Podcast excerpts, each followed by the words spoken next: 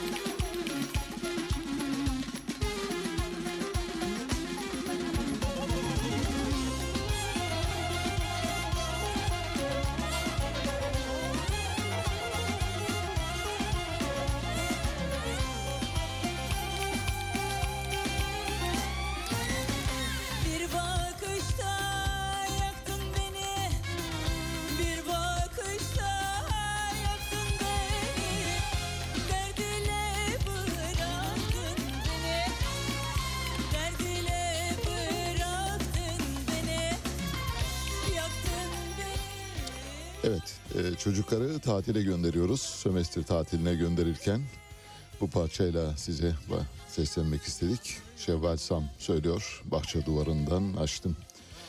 Şevval Sam'dan birkaç parça daha çalacağız. Çocukları bu arada tatile gönderiyoruz dedik. E, Şu gerçekten hareketle. Zaman zaman yazan izleyicilerimiz var. Anneler, babalar e, işe giderken çocuklarıyla birlikte gidiyorlar. Çocuklarını okula bırakıp oradan kendileri geçiyor. Aralarında 8, 9, 10 yaşında çocuklar var. Daha e, büyük olanlar da var elbette 15-16 yaşında. Adolesan çocuklar da var. Anneler babalar bizi çocuklarıyla birlikte dinliyorlar. Hatta bazı çocukların niye Sputnik açmıyorsun diye annelerini babalarını taciz ettiklerine dahi şahit olduğumuz vardır. Yani gelen mesajlardan anlıyoruz. Dolayısıyla biz onları bugün bu parçalarla tatile gönderiyoruz. Sömestr tatili başlıyor. Gerçi kar yok ama artık idare edeceksiniz. Bazı yerlerde yapay kar var. Bazı kayak merkezlerinde bu imkanlar var. Bazılarında ise yok henüz. Dolayısıyla oraya gidenler de işte akşamları böyle sıcak salep içip doğayı, manzarayı seyrederek günlerini geçirebilirler. Satranç oynayabilirler ya da başka şeyler yapabilirler. Onlar için çalıyoruz Şevval Sam'dan. Şevval Sam iyi bir müzisyen. Benim çok sevdiğim bir aile. Anne, iki kız ve babaları elbette. Babaları da bir müzisyen Selim Sam. Anne Leman Sam yılların yıpratamadığı bir olağanüstü karakter. Büyük bir sanatçı ve onurlu duruşu olan bir sanatçı aynı zamanda Leman Sam. Şevval Sam kendisi Marmara Üniversitesi Güzel, Güzel Sanatlar Fakültesi mezunu. Oyuncu ve müzisyen aynı zamanda çok sayıda dizide rol aldı, filmlerde rol aldı. Beşiktaş'ın Sarı Fırtınası Metin Ali Feyyaz üçlüsünün Metin'i ile evliydi. Ondan bir de çocuğu var Tarık Emir. Çok sayıda albümü var ve bu tür parçalara imza atıyor. Karadeniz türkülerini çok iyi söylüyor. Çok sayıda ödülü var Şevval Sam'ın. Mesela Yıldız Teknik Üniversitesi'nden en iyi kadın yorumcu ödülü var. Karadeniz Teknik Üniversitesi'nde yine en iyi kadın halk müziği sanatçısı ödülü var. Kral TV'de 2009'da yılın halk müziği sanatçısı ödülünün sahibi Altın Kelebek sahibi en iyi kadın halk müziği sanatçısı. Çukurova Üniversitesi öğrencilerinin yine ödüllendirdiği bir yarışmacı şarkıcı. 19 Mayıs Üniversitesi'nden aldığı bir başka ödül var. Avrupa Birliği Kalite Ödülleri kapsamında en iyi Türk Halk Müziği kadın sanatçısı. Kelebek, Altın Kelebek ödüllerini kazanmış birden çok kez kendisi. Ayrıca Altın Objektif ödülü sahibi yine en son 2022'de Altın Kelebek ödülünü alarak taşlandırmış. Ödüllerini buradan saymaya kalktığımızda herhalde buradan Trabzon'a kadar gider. Başlıyoruz haberlerimizle. Günün haberi anayasa elbette. Anayasa tartışmasına bakacağız. Anayasa tartışmasında Cumhurbaşkanı Erdoğan'ın üçüncü kez seçilip seçilemeyeceği ile ilgili yoğun bir tartışma var. Bu yoğun tartışmaya herkes bir şekilde katılıyor. Bu yoğun tartışmanın ortasında anayasa hukukçusu Cumhuriyet Halk Partisi milletvekili aynı zamanda Profesör Doktor İbrahim Kaboğlu'nun bir mütalası var. Bu mütalaa ile başlayacağız. Arkasından diğer görüşleri de aktarmaya çalışacağız elbette. Şöyle diyor İbrahim Kaboğlu. Seçim tarihi 18 Haziran 2023'tür. Bu tarihten önce seçim yapılabilmesi için mecliste 360 milletvekilinin ya da Cumhurbaşkanının seçim kararı almasıyla mümkündür. Bu da erken seçimdir. 18 Haziran seçimlerinin yasal başlangıç tarihi 20 Nisan'dır. 20 Nisan sonrası yapılacak bir seçim olağan seçim takvimi içerisinde kaldığından Cumhurbaşkanı ancak meclisin 20 Nisan'dan önceki bir tarihte erken seçim kararı almasıyla aday olabilir. Cumhurbaşkanının meclisi feshetme gibi bir yetkisi yoktur. Anayasa madde 116'ya göre Cumhurbaşkanı yalnızca seçimlerin yenilenmesine karar verebilir. Bu durumda da seçimin tarihi yenileme kararından sonraki 90 gün içinde ilk pazar gününe denk gelmektedir. Seçimlerin öne alınması şeklindeki söylemler dezenformasyon olup öne alınmayla ilgili ifade edilmek istenen ve açıkça söylemekten kaçınılan erken seçimdir. Erken seçim kararını alma şekli anayasada yazılıdır. Bu konuda Yüksek Seçim Kurulu yetkili değildir. Cumhur İttifakı kaynaklı olası seçim tarihlerine ilişkin senaryolarda ise Seçimlere ilişkin 7393 sayılı yasayla yapılan değişikliklerin uygulanabilmesi zorunludur. Zira 7393 sayılı yasa ancak seçim başlangıcı 6 Nisan ve sonrası bir tarih olarak seçimlerde uygulanır diyor. Özetleyeceğim. Şunu demek istiyor. Bir defa Büyük Millet Meclisi'nin bir şekilde seçime gidebilme hakkı var. Büyük Millet Meclisi kendini feshederek seçim kararı alabilir. Ama Cumhurbaşkanı'nın seçimi seçim kararı alması mümkün değil ve parlamentoyu fesih yetkisi olmadığını söylüyor aynı zamanda. Daha önemlisi belki de hepsinden önemlisi Yüksek Seçim Kurulu'nun erken seçim kararı alma hakkı olmadığını ifade ediyor. Bu son derece doğru. Dolayısıyla işi topu Yüksek Seçim Kurulu'na atanlar bir defa orada yanıltıyorlar kamuoyunu. Bir belge var. Bu belgeye dayalı olarak Cumhurbaşkanı'nın üçüncü kez seçilebileceği ile ilgili bir mütalaa oluşturulmuş durumda. Mütalaanın kaynağını Adalet Bakanı Bekir Bozdağ oluşturuyor. Bekir Bozdağ Erdoğan'ın önünde adaylık için hukuki bir engel yok. Bu ikinci seçimi diyor. Şimdi Erdoğan'ın ikinci mi, üçüncü kez mi seçileceğine ilişkin daha önce ittihaz edilmiş bir karar var. 2018'de seçimlerin hemen ardında e, ardından Yüksek Seçim Kurulu'ndan istenen bir görüş var. Dönemin Büyük Millet Meclisi Başkanı İsmail Kahraman Temmuz 2018'de Yüksek Seçim Kurulu'na şöyle bir yazı yazıyor. İlgi yazınızla Cumhurbaşkanlığı seçim kesim sonuçları Türkiye Büyük Millet Meclisi Başkanlığımıza bildirilmiştir. Yazınız ekindeki tutanakta 13 rakamına Cumhurbaşkanlığı görevi yapan kişi sayısının hesabından veya Cumhurbaşkanı seçim sayısı hesabından ulaşılamadığı görülmüştür. Bu sebeple 13 rakamı ile ilgili tereddütler hasıl olmuştur. Konunun tekrar değerlendirilerek oluşan bu tereddüdün ortadan kaldırmasını rica ederim. Şunu demek istiyor. Cumhurbaşkanı Recep Tayyip Erdoğan 13. Cumhurbaşkanı mıdır değil midir? İki kez seçildiğine göre bu defa 14. Cumhurbaşkanı olarak da aynı zamanda anılacaktır. Ama aynı kişi birden çok kez seçildiği takdirde bir numarayla numaralandırması doğru olmaz diyor. Dolayısıyla 13. ibaresini kaldırınız. Şimdi 13. ibaresini kaldırdığınız zaman Cumhurbaşkanı Erdoğan 3 kez de seçilse Cumhurbaşkanı Erdoğan diye geçecektir. Türkiye Cumhuriyeti'nin 13. Cumhurbaşkanı, 14. Cumhurbaşkanı, 15. Cumhurbaşkanı gibi nitelemeler sona erecekti. Peki o güne kadar olan seçilenler ne olacak? Mesela Cumhuriyet'ten Atatürk'ten bu yana 1, 2, 3, 4, 5 diye 12 diye geliyor. Peki ötekiler? Ötekileri ismen anmıyorsunuz. Bir, birinci Cumhurbaşkanı, ikinci Cumhurbaşkanı Erdoğan'a gelince birdenbire tarih birinci, ikinci, üçüncü, dördüncü, beşinci, on ikinciden sonra birdenbire pat kesiliyor. Ne oluyor?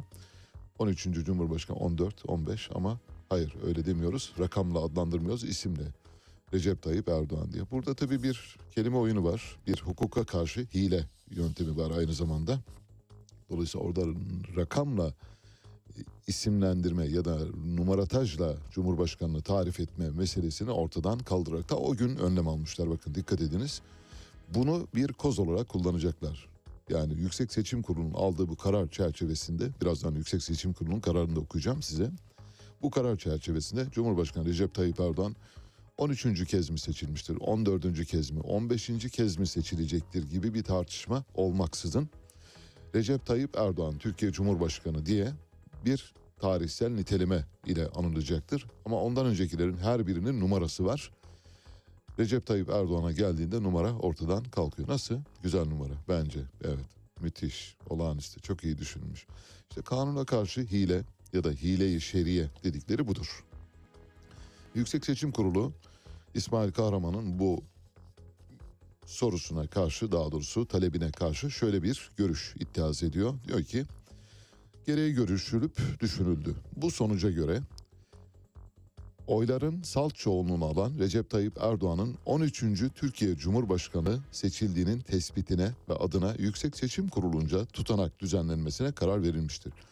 Kurulumuzca yapılan değerlendirme neticesinde anayasanın 101. maddesi uyarınca 24 Haziran 2018 tarihinde yapılan Cumhurbaşkanı seçiminde Recep Tayyip Erdoğan'ın Cumhurbaşkanı seçildiğinin tespitine kurulumuzun 4 Temmuz 2018 tarihli filanca numaralı kararına göre 13 ibaresinin kaldırılmasına ve tutanan buna göre düzenlenmesine. Nasıl?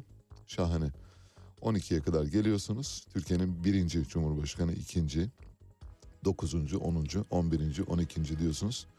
13'e gelince diyorsunuz ki 13 yok. 13 nerede? 13 yok 13. Lütfen tartışmayalım. 13'ten itibaren isimlere geçiyoruz. Rakamdan isime geçiyoruz. Oradan da isim şehir oynayacağız değil mi? Oradan da mesela Trabzon ya da Rize. Evet Rize'ye geçebiliriz. Evet.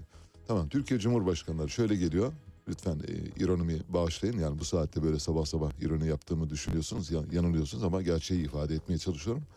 İçinde bulunduğumuz trajikomik durumu ancak böyle izah edebileceğim için bu yola başvuruyorum. Türkiye Cumhuriyeti 1923 kuruldu ve ilk Cumhurbaşkanı Atatürk arkasından bu diğerleri gibi 1 2 3 4 5 12 12'den sonra numarayı kesiyorsunuz. Numaralı sistemle çalışmıyorsunuz. İsme geçiyorsunuz. Sonra şehir.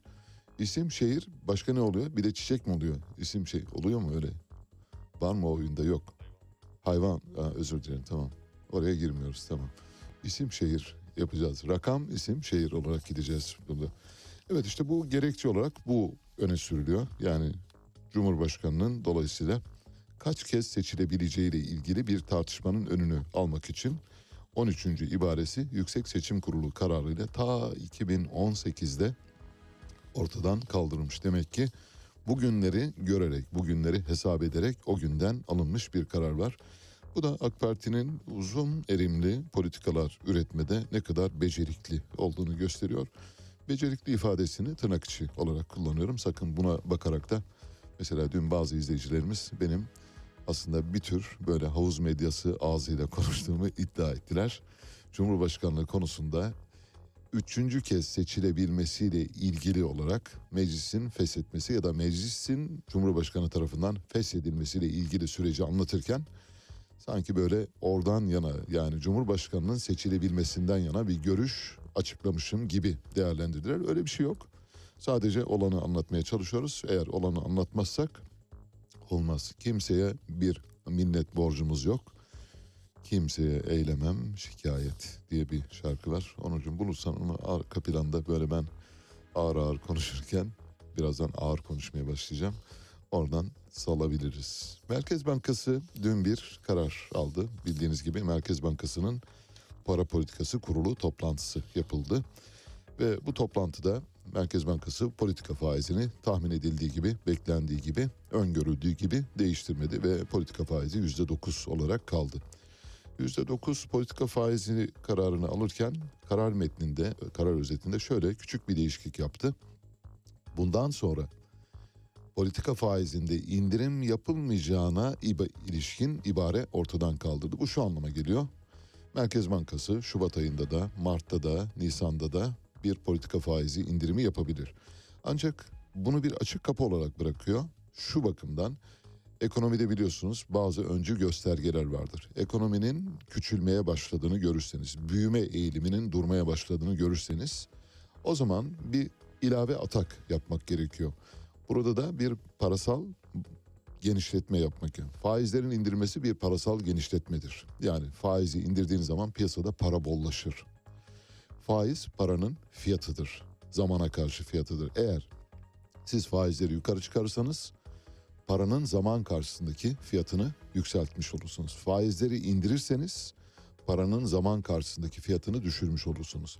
Eğer bir ülke faizleri artırıyorsa parayı sıkılaştırıyor, piyasadan para çekiyor demektir. Faizleri indiriyorsa piyasaya bol miktarda para veriyor demektir. Parasal sıkılaştırma, parasal bollaşma gibi ibareler duyuyorsanız onlar bu anlama geliyor. Bir şey olur, e, dipnot olarak aktarmış olayım. Şimdi bunları yapan Merkez Bankası şunu öngörüyor. Şubat ayında da bir faiz indirimi yapabilir. Peki neye bakarak yapacak? Bildiğiniz gibi bazı öncü göstergeler var. Öncü göstergeler nedir? Kapasite kullanımı örneğin bunlardan bir tanesidir. Sanayi üretimi verisi bunlardan bir tanesidir. Ekonomik güven endeksi bunlardan bir tanesidir. Tüketici güven endeksi bunlardan bir tanesi. Bu göstergelere bakarak ekonomide küçülme olup olmadığını görecekler. Ekonomide bir küçülme varsa ve seçime doğru giden bir ülkede ekonomi küçülüyorsa dolayısıyla vatandaş rahatsız demektir. Vatandaşın rahatsız olmayacağı, vatandaşın kendini bolluk, bereket içinde hissedeceği sanal bir ortam yaratılmalı. İşte bunun için yeniden faiz indirimi olabilir. Bu kapıyı açık tutmak için Merkez Bankası dün politika metninde bu ufak değişikliği yaptı. Bir cümleyi aldı, cımbızladı, attı, çöpe attı.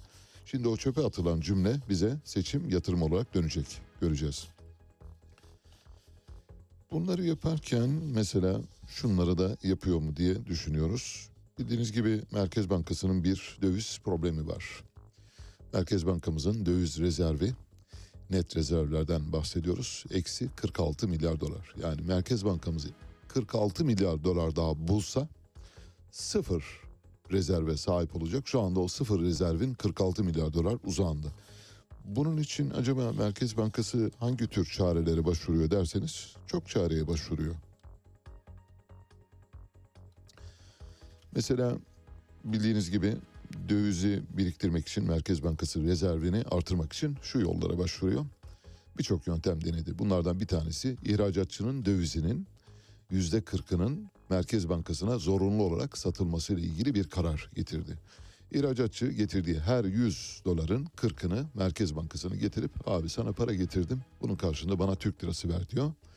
Merkez Bankası hay hay çok teşekkür ederim Allah senden razı olsun alıyor dövizi yerine Türk lirası veriyor fakat ihracatçı dönüp arka kapıdan tekrar döviz almak zorunda çünkü ihracat yapıyor. İthalata dayalı ihracat yaptığı için dövize ihtiyacı var.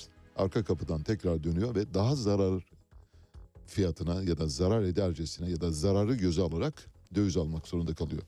Burada tabii Merkez Bankası işine bakıyor. Ben işime bakarım, ben horozum, ben karışmam gerisine diyor. Ben sadece dövizden sorayım. Başka ne yapıyor? Şimdi döviz biriktiriyoruz döviz biriktirme yöntemlerine bakacağız. Şimdi en sonunda bu döviz biriktirme yöntemlerini tek tek sayacağım size. Sonra diyeceğim ki nereye gitti bu döviz? Hani böyle şeytan aldı götürdüğü gibi bir sonuç çıkacak bu anlatımın sonucunda. Merkez Bankası ihracatçının yüzde 40 dövizini alıyor mu? Koydu kenara. İhracat ne kadar? Geçen yıl 250 milyar dolar. 254 tam rakam. 250 milyar doların yüzde 40'ı 100 milyar dolar. Merkez Bankası'nın kasasında normal şartlarda sadece ihracatçıdan aldığı dövizi saklasa 100 milyar dolardan fazla dövizi olması gerekiyor.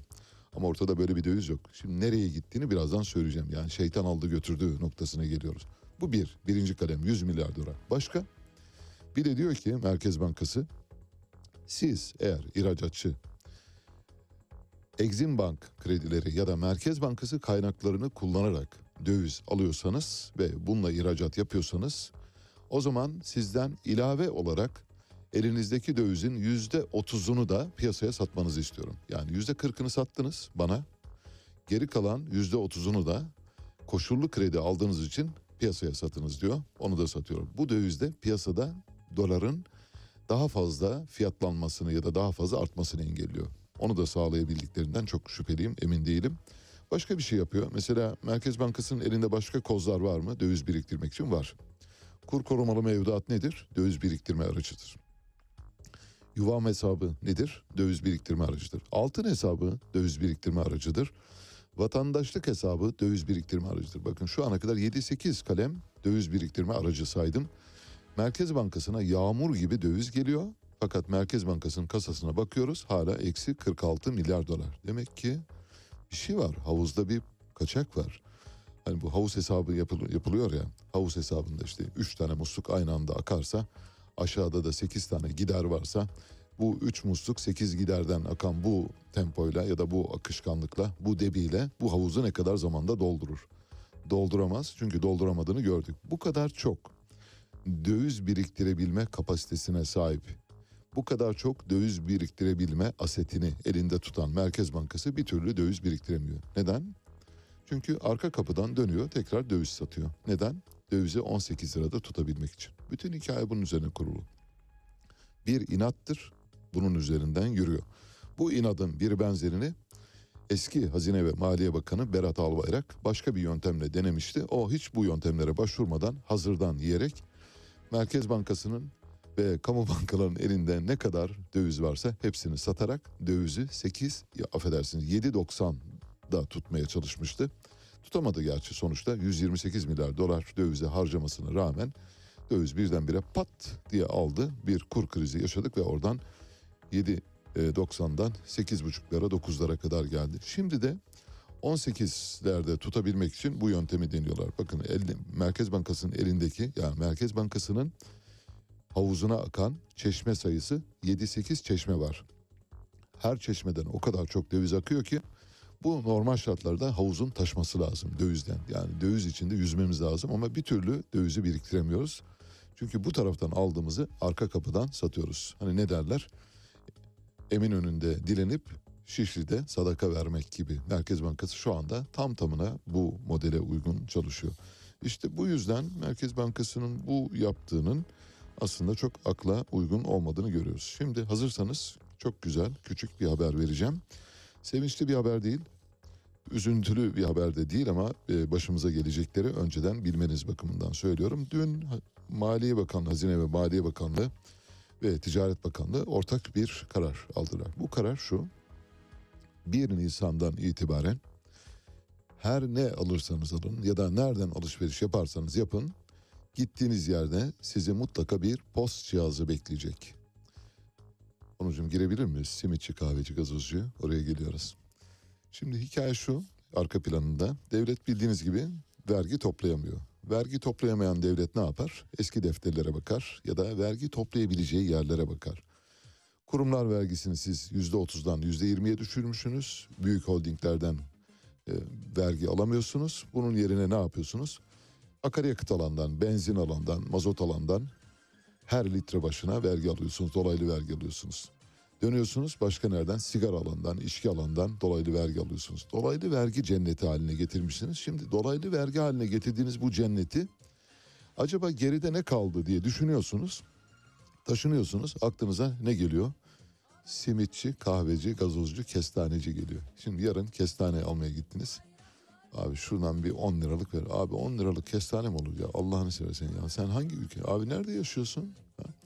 Ha, Almanya. E, tabii orada öyle abi. Orada yok abi. 10 liraya yok abi. 10 liraya kestanenin kabuğunu veriyoruz. Kabuk var abi böyle biriktirdim size 10 liralık kestane kabuğu. Koklarsınız. iyi gelir. Nefes açıcı. Böyle. inhalasyon yaparsınız. O yüzden size onu veremiyoruz maalesef. Ne yapacağız? Size post cihazıyla. Şimdi post cihazı, kestaneciye gidiyorsunuz, post cihazı. Simitçiye gidiyorsunuz, post cihazı. Kahveci, çaycı, post cihazı. 1 Nisan'dan itibaren, başınıza geleceği söylüyorum.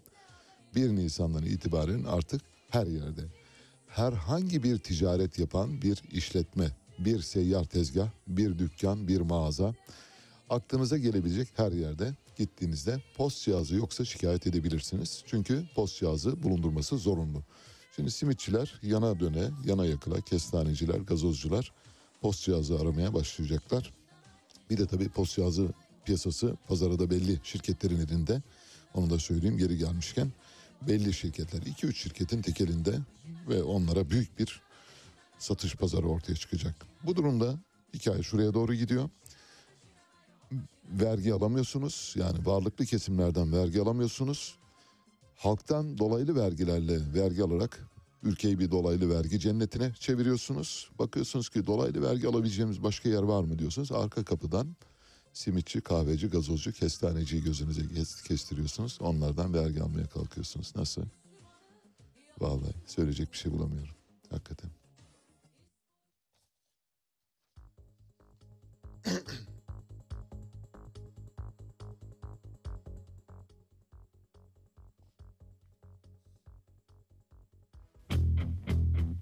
E, zaten süreç Osman Kavala'nın tutukluluğunun sürdürülmesi üzerine kurulmuş. Aynen. Bu tutukluluk devam etmesi için hukuka karşı verilen bir mücadele haline girmiş durumda. Merkez Bankası'nın son aylarda izlemiş olduğu para politikası doğrudan enflasyonda bu sıçramaya yol açtı. Ee, yani ve de, devamı da gelecek. ülkeyi aslında öyle yönetiyorlar ki adeta koca bir survivor oyunu gibi. Bugün için önemli olan husus Türkiye'de bu sistemin değişmesidir. Bu sistem yani Cumhurbaşkanlığı hükümet sistemi Evet. maalesef uygulama aşamasında kağıt üzerinde durduğu gibi durmadı. Ali Çağatay'la Seyir Hali hafta içi her sabah 7 ile 9 arasında Radyo Sputnik'te. Evet yeniden birlikteyiz. Bu seçim yatırımlarından e, bir demetti. Şimdi seçim yatırımları ile ilgili küçük bir demet daha paylaşacağım sizinle. Seçimden önce bir vergi affı bekleniyor. Kredi kartı borçlarının yapılandırması bekleniyor. Bir imar affı gelmesi bekleniyor. Bir çek senet affı gelmesi bekleniyor. Banka sicil affı gelmesi bekleniyor. Bütün bunlar nedir? Devlete ya da kurumlara karşı yükümlülüklerini zamanında yerine getirmeyen, borcunu ödemeyen insanları bakın sizi kurtarıyoruz diyerek bir şekilde seçim sandığına giderken bizi kurtaran güce selam olsun diye sandığa gitmelerini sağlamaya çalışıyorlar. Kapsamlı bir de bir genel af var. Bu da bu arada konuşuluyor. Genel afla ilgili zannediyorum Milliyetçi Hareket Partisi ile AK Parti arasında küçük bazı anlaşmazlıklar var ama çözülecektir. Çözüp genel affı da getireceklerini tahmin ediyorum. Cezaevlerinde tutuklu ve hükümler ve ev hapsine tabi tutulanlarla birlikte toplam 400 bin civarında tutuklu ve hükümlü olduğunu biliyoruz. Elbette bütün suçlar affedilmiyor. Devlete karşı işlenen suçlar e, affedilebilir ama kişilere karşı işlenen örneğin tecavüz ve benzeri suçların affedilmemesi gerekiyor. Normalde af tekniği uyarınca. Yargıtay Başkanı dün şöyle bir söyleşide bulundu. İmamoğlu dosyası önce istinafa gidecek. Belki de orada karar kesinleşerek Yargıtay'a hiç gelmeyebilir diyor. Sordular Yargıtay Başkanı'na İmamoğlu dosyasıyla ilgili ne düşünüyorsunuz? O da böyle bir yanıt verdi. İstinafa gidecek diyor önce. Ya bu- bunu biliyoruz. İstinafta belki kesinleşecek diyor. Onu da o biliyor. Bakın bizim bilmediğimiz o biliyor. İstinafta kesinleşecek diyor. Belki diyerek de böyle küçük bir şey koyuyor. Soru işareti yaratıyor. Yargıtay'a hiç gelmeyebilir diyor. Sürecin nereye doğru gittiğini buraya bakarak anlayabilirsiniz. Yargıtay aşamasına gelmeden istinafta karar kesinleşecek ve Ekrem İmamoğlu'na bir mahkumiyet kararı gelebilir. Çok hoş bir paylaşımda bulunacağım. Fotoğrafı da var. Fotoğrafı paylaşırsa Harun şimdi göreceksiniz. Barış Atay, Türkiye İşçi Partisi milletvekili. Türkiye İşçi Partisi'nin bildiğiniz gibi parlamentoda 4 milletvekili var. 4 milletvekili 400 milletvekili çapında iş yapıyor. O kadar kalibresi yüksek insanlar. Parlamentoda böylesi grupların. HDP'de de böyle birkaç milletvekili var. Çok böyle parlamenterlik görevlerini hakkıyla yerine getiren, parasını hak eden, maaşını hak eden birkaç milletvekili var. Diğer partilere girmiyorum oralarda çok fazla yok o yüzden saymaya bile gerek yok. Yeni caminin bir fotoğrafı var Barış Atay'ın paylaştığı tweette. Tweet'in üzerinde şöyle bir şey yazmış. Diyor ki önce tweet'in sahibinin yazdığını okuyalım. Tweet'in sahibi Rıdvan Söylemez. Rıdvan Söylemez kim? Çevre ve Orman Derneği Genel Başkanı diye bir derneğin başkanı kendisi. AK Parti'ye yakın.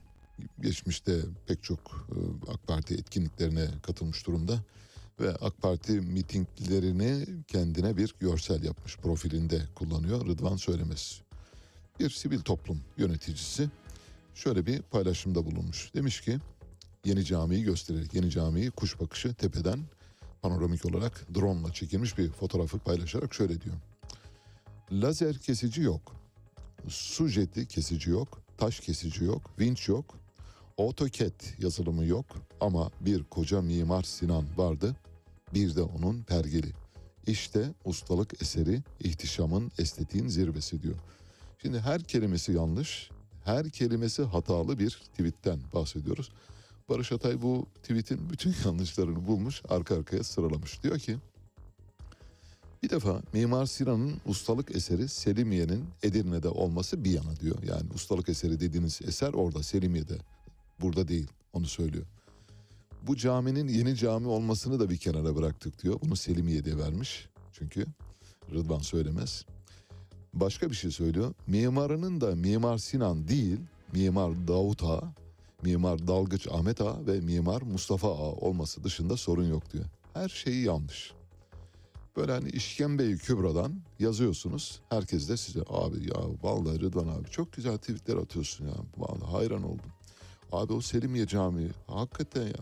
Abi o, o ye- yeni camiye benziyor. Yok yok. Hayır hayır. yok. Selimiye Camii ya bak işte cami minare falan. E, ama orada iki tane şey var abi minare. Biz göremiyoruz. Selimiye'de dört olması lazım abi. Ya öyle aa, hakikaten öyle bak ya ya Hamza çok doğru söylüyorsun. Ya neyse yaptık. Boş ver ya millet yedi. Yani görüyorum ben. Bir kez daha söylüyorum fotoğrafa bakarak anlamlandırmak için. Diyor ki Mimar Sinan'ın ustalık eseri Selimiye'nin Edirne'de olması bir yana. Bu caminin yeni cami olması bir başka yana. Mimarının Mimar Sinan değil, Mimar Davut Ağa, Mimar Dalgıç Ahmet Ağa ve Mimar Mustafa Ağa olması dışında sorun yok diyor. Bir de gülücük işareti atmış. Evet işte böyle cehalet denizinde yüzen insanların maalesef sosyal medya ortamlarında kol gezdiği bir ülkedeyiz maalesef. Cem Say, Boğaziçi Üniversitesi öğretim üyelerinden. Kendisi daha önce bir kez yayınımıza da katılmıştı. Boğaziçi Üniversitesi'ndeki durumu anlatmak üzere. Şöyle bir paylaşımda bulundu. Diyor ki dünya tarihinde herhangi bir üniversitede mesai saatleri dışında ofislerinde çalışmak isteyen hocalar önce şu izin formunu doldursun. Bölüm başkanı, dekan filan onaylarsa o zaman olur diye bir uygulama olmuş mudur acaba diyor. Bakın diyor üniversite diyorum diyor. Hiç güleceğim yoktu diyor. Boğaziçi Üniversitesi'nde şu anda bir üniversitede öğretim üyesi mesai saatleri dışında üniversite kampüsünü kullanmak isterse önce bir form hazırlıyor. Arkasından bu formu bölüm başkanı onaylıyor sonra dekan onaylıyor. Henüz rektör onayı yok Allah'tan. Yani işi oraya kadar götürmemişler. Naci Bey'in işleri çok olduğu için. Çünkü Naci Bey ne yapıyor? Kendinden önceki rektör Melih Bulu'yu gammazlayan adam. Kendinden önceki halefini selefini gammazlayarak rektörlük koltuğuna oturan Naci İnci'nin çok işi var. O yüzden onun onayına sunmamışlar. Bir Schopenhauer paylaşımı yapacağım. Schopenhauer'ı ben çok severim. Yani herkesin çok sevdiğini düşünüyorum ama bendeniz yani apayrı bir sevgiyle bağlıyım. Belki de hani felsefe ile ilk tanışmam Schopenhauer'la olmuştur. Olağanüstü bir karakterdir. Olağanüstü. Hani Nietzsche, Hegel falan üçünün ara, ikisinin arasına oturtursanız hiç böyle sakil durmaz yani. Bu- tarafa Hegel'i oturtun, öbür tarafa da Nietzsche'yi oturtun. Ortaya da böyle bir şey gibi, bir kral gibi, büyük bir şey gibi, ihtişamlı bir adam gibi Schopenhauer'ı oturtabilirsiniz. Arthur Schopenhauer şöyle demiş bir sözünde.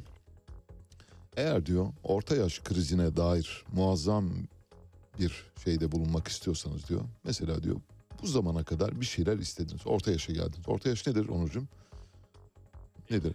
50. Tamam bravo. Evet. Orta yaş 50. Onur öyle takdir ediyor bilmiyorum ben. Dolayısıyla soruyorum bir bilene sormak lazım. Diyelim ki 50 yaşına geldiniz. Şimdi 50 yaşındasınız. Schopenhauer size şöyle sesleniyor. Diyor ki Ey fani. Öyle demiyordu ben öyle söylüyorum. Ey fani. Ey piri fani. Bu zamana kadar bir şeyler istediniz ve şu an hiçbir şey istediğiniz gibi olmadı mı? O zaman diyor bundan sonra hiçbir şey istememeyi deneyin. Bir şey istemezseniz hiçbir şeyin olmayışı çok da ızdırap verici değildir diyor. Müthiş. Tek kelimeyle müthiş. Bir kez de okumak istiyorum. Ey fani, orta yaştaki insanlarımız bu zamana kadar bir şey istediniz ve şu an hiçbir şey istediğiniz gibi olmadı mı? Bundan sonra da hiçbir şey istememeyi deneyin. Bir şey istemezseniz hiçbir şeyin olmayışı çok da ızdırap verici değildir diyor. Olağanüstü bir hayat dersi. Vallahi işte demek ki öğreneceğimiz günler varmış da Onurcuğum. Yani hiçbir şeyi öğrendiğimiz ki yani ben de hani böyle hani böyle ahkam kesiyorum Schopenhauer'ı biliyorum falan diye iddia ediyorum güya.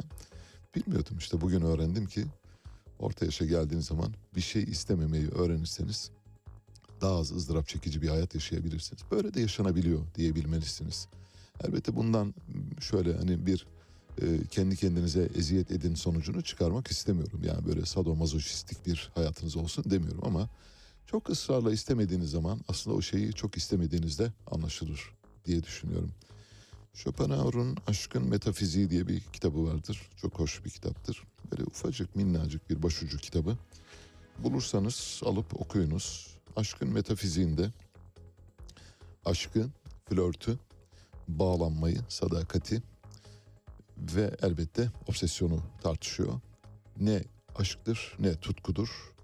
Hangisi gerçek aşktır, hangisi gerçek tutkudur bunu anlatıyor.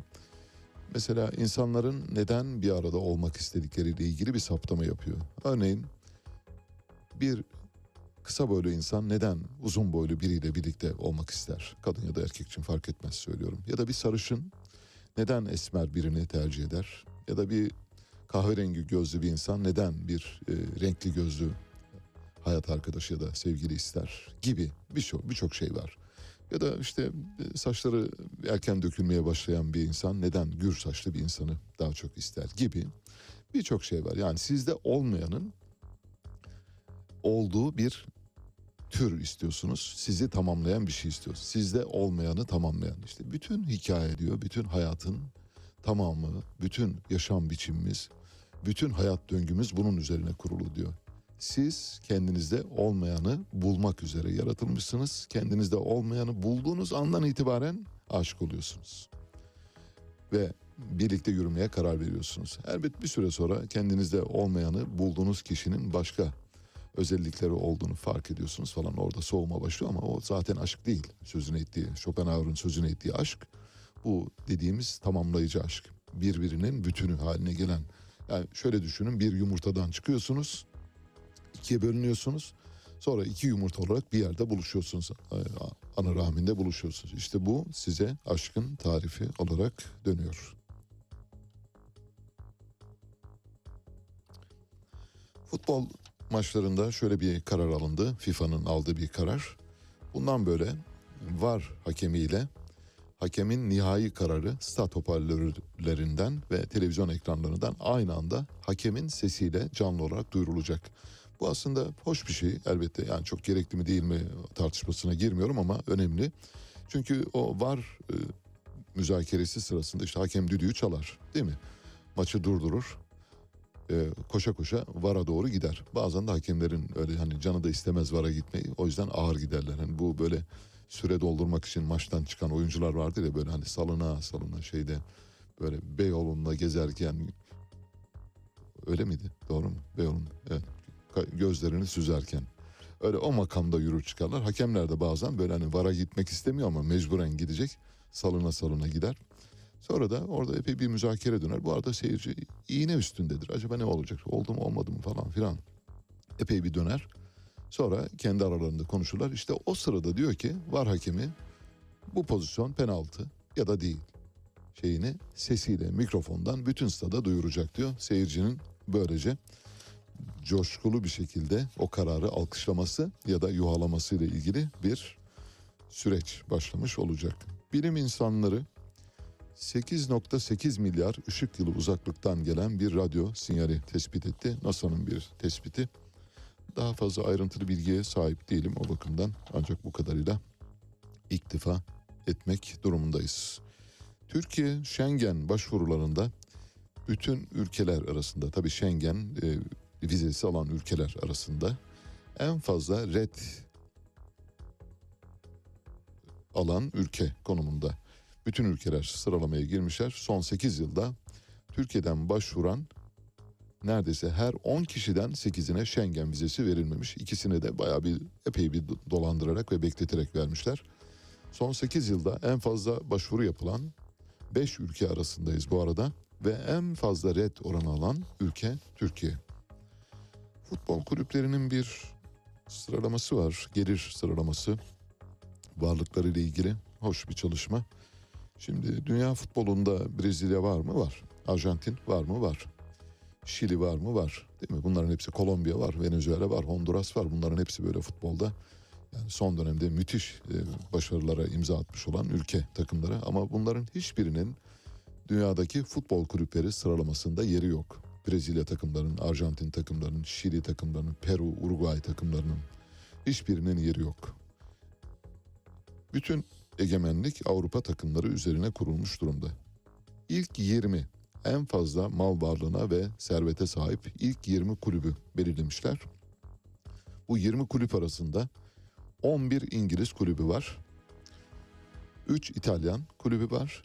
3 İspanyol kulübü var. 2 Alman bir de Fransız kulübü var.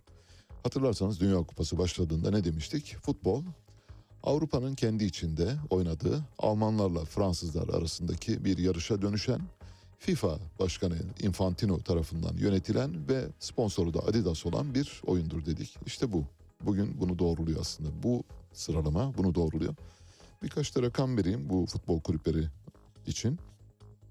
Dünyanın şu anda en fazla gelire sahip, en fazla mal varlığına ya da servete sahip olan takımı Manchester City. Manchester City'nin 731 milyon euro varlığı sahip olduğu belirlenmiş. Real Madrid ikinci sırada 713 milyon euroya sahip. Liverpool 701 milyon euroyla üçüncü sırada. Manchester United 688 milyon euroyla dördüncü sırada. Paris Saint Germain 654 milyon euroyla beşinci sırada. Diğerlerinin şöyle sıradan e, numarasını vermeden geçeyim. Bayern Münih geliyor. Arkasından Barcelona, Chelsea, Tottenham Hotspur, Arsenal, Juventus, Atletico Madrid, Borussia Dortmund, Inter Milan, West Ham United, e, AC Milan, Leicester City, Leeds United, Everton ve Newcastle United geliyor. 20 takım böyle. Arasında bir tane Avrupa dışında takım yok. Bütün Avrupa futbolu yönetiyor demek ki. Futbol dediğimiz sadece Avrupa kıtasında ve Almanlarla Fransızların arasında oynanan hakemliğini FIFA'nın yaptığı sponsoru da ve parayı götürenin de Adidas olduğu bir oyundan ibarettir. Gerisi hikaye. Filipinler'de soğan fiyatı kırmızı et fiyatını geçti. Bu tweet dün çok konuşulan tweetlerden biriydi. Bir kaynaktan paylaşılmış. Kaynağını da bilmiyoruz. Gerçekten böyle olup olmadığını da bilmiyoruz bu arada. Fakat tweetin altına kıyamet gibi yorum yazılmış. Mesela şöyle yorumlar var. Bir izleyici diyor ki o zaman diyor eti oradan alalım, soğanı bizden alsınlar onlar. Dolayısıyla her şey düzelir. Madem onlarda soğan pahalı. Gerçi bizde de soğan pahalı. Soğan da yani hani 20 20 liranın üzerinde şu anda. Biz onlara soğan satalım. Onlar da bize et versinler diyor. Başka bir şey daha var. Soğan bulamıyorsanız et yiyin diye Filipinlere sesleniyorlar. Filipinler ilgin, ilginç bir ülkedir. Filipinlerle ilgili küçük yeri gelmişken bir küçük bilgi notu vereyim isterseniz. Filipinler uzak doğunun en doğusundaki ülkelerden bir tanesi. Çok fakir bir ülke. Bütün Körfez ülkelerinin, bütün Asya'nın zengin ülkelerinin ev işlerini yapan ya da mutfak ya da çocuk bakımı, babysittalık dahil olmak üzere pek çok işleri yapan, ayak işlerini yapan insanları Filipinler'den çıkıyor. Bir de dünyanın gemi adamlarının, kamarotların yani denizcilerin denizlerde iş yapan ve alt düzey personelin de önemli bölümü Filipinler'den oluşuyor. Çünkü hayatlarını dışarıda kazanmak zorundalar. Ülkeleri o kadar zor durumdaki. Filipinlerin lisanı İspanyolca ile karışık bir İngilizce. E, İçinde tabii Orta Doğu, Uzak Doğu dillerini de kapsayan bir karma. Büyük bir karmadan oluşuyor ama ağırlık olarak İspanyolca ve İspanyollarla anlaşabiliyorlar. Örneğin bir Filipinli İspanyolla karşı karşıya geldiğinde 3-5 kelimeyi anlar. Örneğin biz bir Özbek'le karşı karşıya geldiğimizde anlayabiliyorsak işte onlar da o kadar anlaşıyorlar. Neden İspanyolca ağırlıklı bir dil kullanıyorlar? Şundan dolayı bildiğiniz gibi keşifler başladığında ilk Portekizler çıkıyor ve Portekizler Afrika'nın batısından dolanarak Ümit Burnu'nu geçerek nereye doğru? Uzak doğuya doğru gidiyorlar. Şöyle düşünün. Batı Afrika, Mali, Moritanya iniyorsunuz aşağı doğru. Fiji aşağı doğru iniyorsunuz. Gine, Gine Bissau iniyorsunuz aşağı doğru. Ümit Burnu, Güney Afrika'yı geçiyorsunuz. Dönüyorsunuz bu tarafa doğru Mozambik, Angola dönüyorsunuz. Madagaskar dönüyorsunuz. İleri doğru gidiyorsunuz. Nereye doğru? Doğu Timor adalarına gidiyorsunuz. Oradan nereye? Makoya'ya gidiyorsunuz. Sonra Filipinlere geliyorsunuz. İşte İspanyol gemiciler batıya doğru giderken Portekizli gemiciler de doğuya doğru gidiyor. Fakat İspanyol gemiciler Amerika'yı keşfettikten sonra Pasifik'i aşarak tersinden yani dünyayı 360 derece döndüğünüzü varsayın dönüyorlar ve Filipinlere geliyorlar. Filipinleri sömürge haline getiriyorlar. İşte Filipinlerin doğuda Portekizlerin sömürgesi olmayan tek sömürge olarak bir İspanyol sömürgesi olarak varlığını sürdürmesi bu yarışın sonucundadır. Portekizlerin de batıda benzeri bir sömürgeleri var. O da Brezilya. Biliyorsunuz Latin Amerika'da Portekizce konuşan tek ülke Brezilya'dır. Tıpkı uzak doğuda İspanyolca konuşan tek ülkenin Filipinler olması gibi. Yani birer tane arada paylaşmışlar. Bir tane sana bir tane bana.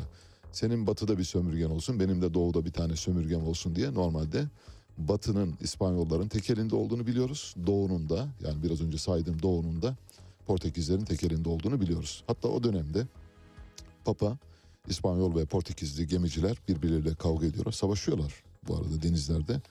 Bunun üzerine Papa duruma müdahale ediyor. Vatikan diyor ki bir dakika çocuklar siz kardeşsiniz sakın kavga etmeyin. Alıyor Papa küreyi ortadan bölüyor. Diyor ki bakın dünyanın batısı sizin. İspanyolların doğusu da Portekizlerin. Siz bir daha batıya gitmeyeceksiniz diyor Portekizlere. İspanyollara da siz de doğuya gitmeyeceksiniz diyor. İşte o sebepten dolayı İspanya'dan şöyle bir hat çizin güneye doğru. Yani Cebeli Tarık'tan aşağı doğru inin, Afrika'ya doğru gelin. Ta nereye kadar?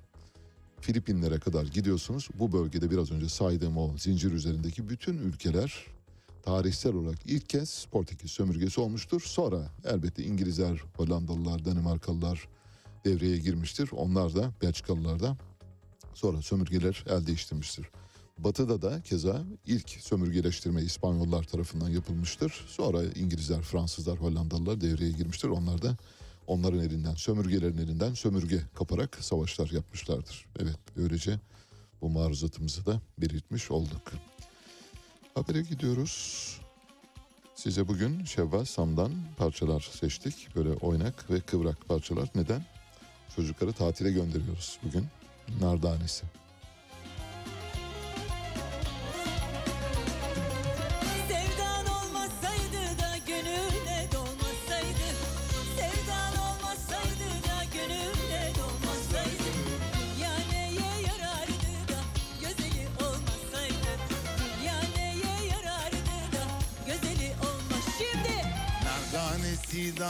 Danesi de seviyorum merdanesi. Güzellerin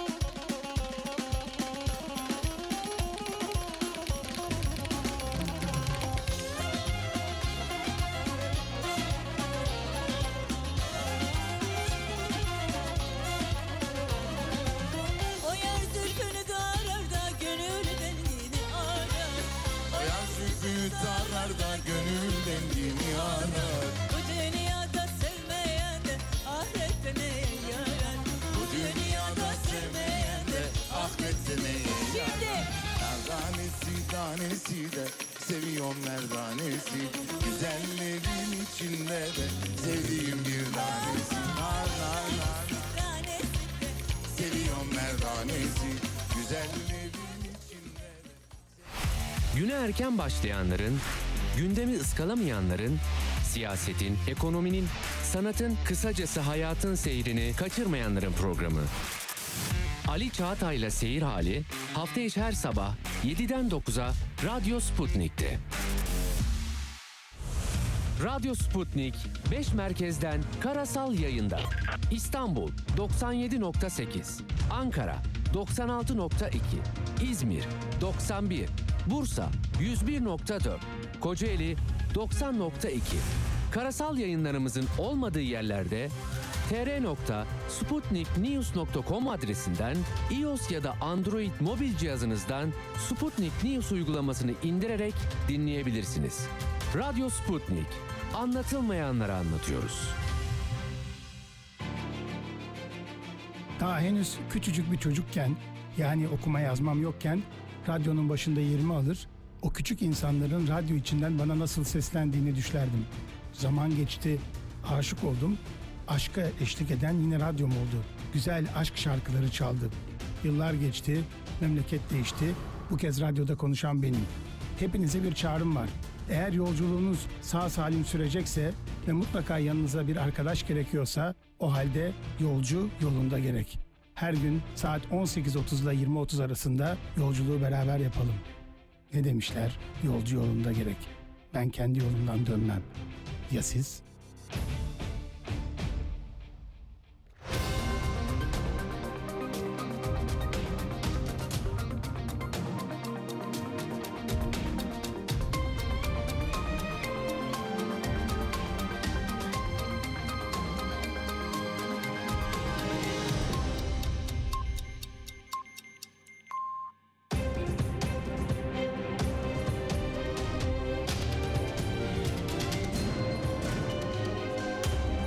Radyo Sputnik. Anlatılmayanları anlatıyoruz. Saat 8 İstanbul stüdyolarından gündemden gelişmeleri aktarıyoruz. Ben Mehtap Yeni Doğan. Önce özetler. Kamuda sözleşmeliye kadro teklifi Türkiye Büyük Millet Meclisi Genel Kurulu'nda kabul edildi. Merkez Bankası faiz kararını açıkladı. Okullarda yarı yıl tatili bugün başlıyor. Ayrıntılar birazdan. Bülten dış politika ve diplomasi başlığıyla başlıyor. Türkiye ile Amerika Birleşik Devletleri'nin F-35 görüşmeleri sürüyor. İki ülkenin savunma bakanlıklarından heyetler ilk toplantıyı Ankara'da gerçekleştirmişti. İkinci toplantı önceki gün ABD'nin başkenti Washington'da yapıldı. Milli Savunma Bakanlığı üçüncü toplantının ilkbahar aylarında Ankara'da yapılacağını duyurdu. Türkiye-Amerika ilişkilerinde kritik başlık F-16 alım ve modernizasyon talebi. Amerika Birleşik Devletleri'nin Ankara Büyükelçisi Jeffrey Flake bu konuda bir açıklama yaptı. Flake, Türkiye'ye F-16 satışıyla İsveç ve Finlandiya'nın NATO'ya üyelik sürecinin bağlantılı olmadığını söyledi. Flake, Joe Biden yönetiminin F-16 satışının arkasında olduğunu ve bu konuda kongreyle çalışıldığını belirtti. Yunanistan Başbakanı Kyriakos Mitsotakis Türkiye ile savaşmayacağız açıklamasında bulundu.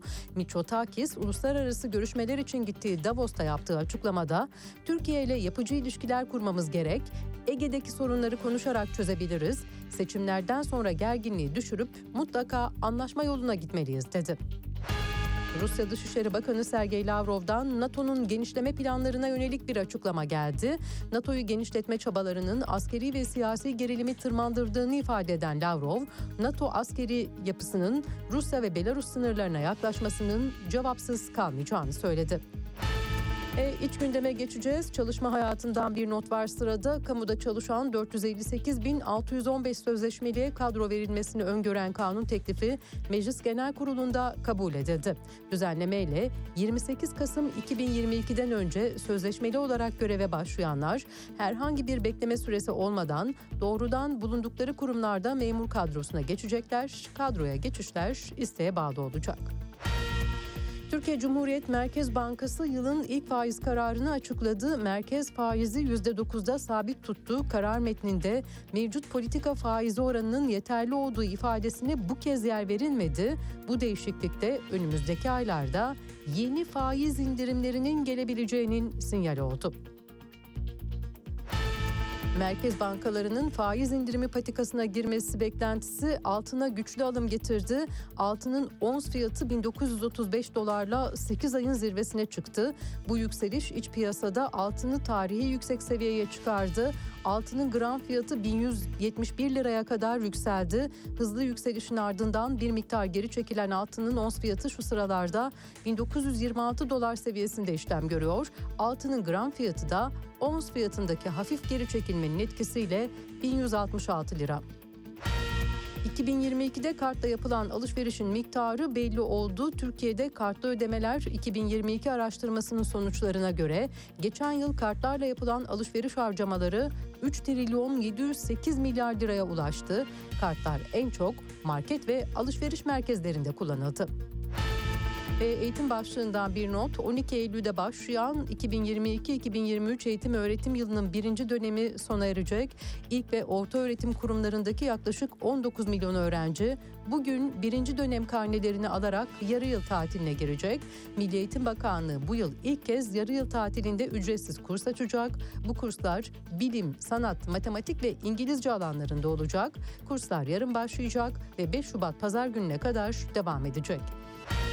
Sporun notları var sırada. Ziraat Türkiye Kupası son 16 turunda heyecan dün oynanan iki maçla sona erdi. Fenerbahçe sahasında karşılaştığı Çaykur Rizespor'u 2-1 mağlup etti ve adını çeyrek finale yazdırdı. Gaziantep Futbol Kulübü de 90 dakikası golsüz eşitlikte, uzatmaları ise 1-1 biten maçta Arabam.com Konya Sporu penaltılar sonucu 7-6 yendi ve çeyrek finale yükseldi. Spor Toto Süper Lig'de ikinci perde açılıyor. 20. haftanın açılış maçında Adana Demirspor'la Giresunspor Yeni Adana Stadında bugün saat 20'de karşı karşıya gelecek. Bu hafta Galatasaray Fraporta Antalya Sporu Trabzonspor'da İstanbul Sporu ağırlayacak. Beşiktaş Yukatel Kayseri Spor'a konuk olacak. Fenerbahçe'nin ise deplasmandaki rakibi Hangi Kredi Ümraniye Spor.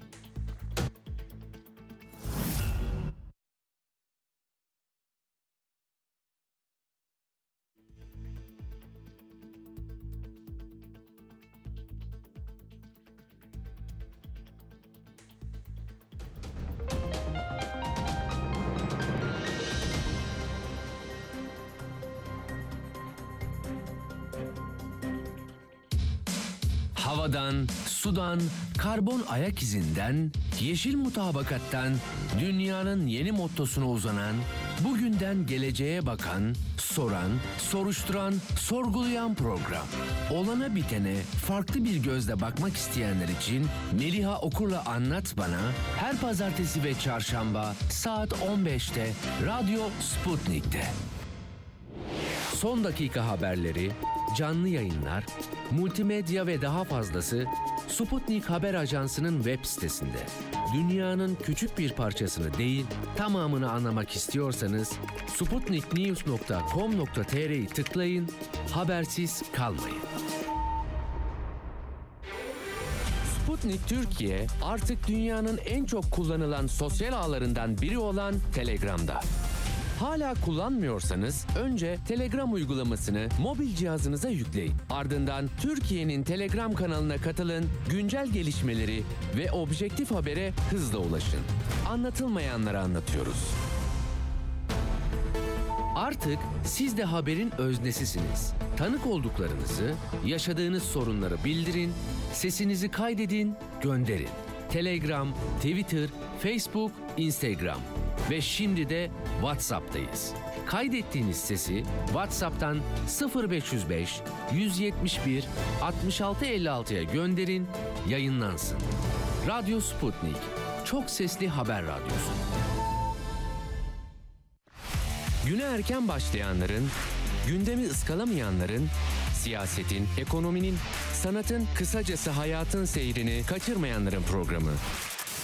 Ali Çağatay'la Seyir Hali hafta içi her sabah 7'den 9'a Radyo Sputnik'te. Yeniden birlikteyiz. Birkaç dosya paylaşacağız sizinle. Birkaç dosya hazırlığı yaptık. Bir tanesi Yeni Zelanda'nın genç başbakanı Jacinda Ardern görevi bırakıyor. Artık diyor o kadar yoruldum ve ülkeye verecek şeyim kalmadı ki hata yapabilirim. O yüzden erken bırakmak lazım, vaktinde bırakmak lazım diyor. Bu tabii dünya siyasi literatürü bakımından son derece önemli bir olay. Pek çok lidere örnek olması gereken bir davranışta bulunuyor ve başbakanlığı bırakacak. Size bir Jacinda Ardern dosyası sunacağız.